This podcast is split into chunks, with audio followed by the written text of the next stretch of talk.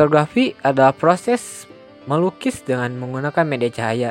Sebagai istilah umum, fotografi berarti proses atau metode untuk menghasilkan gambar atau foto dari suatu objek dengan merekam pantulan cahaya yang mengenai objek tersebut pada media yang peka cahaya.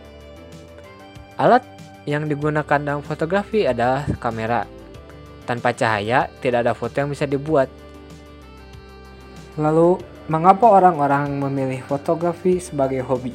Orang-orang memilih fotografi sebagai hobi karena yang pertama mereka bisa mengekspresikan diri mereka terhadap foto yang dibuat.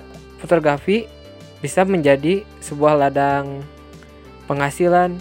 Contohnya seperti kita mendapat proyekan dalam mendokumentasi suatu acara amal, acara pernikahan, dan juga lain-lain.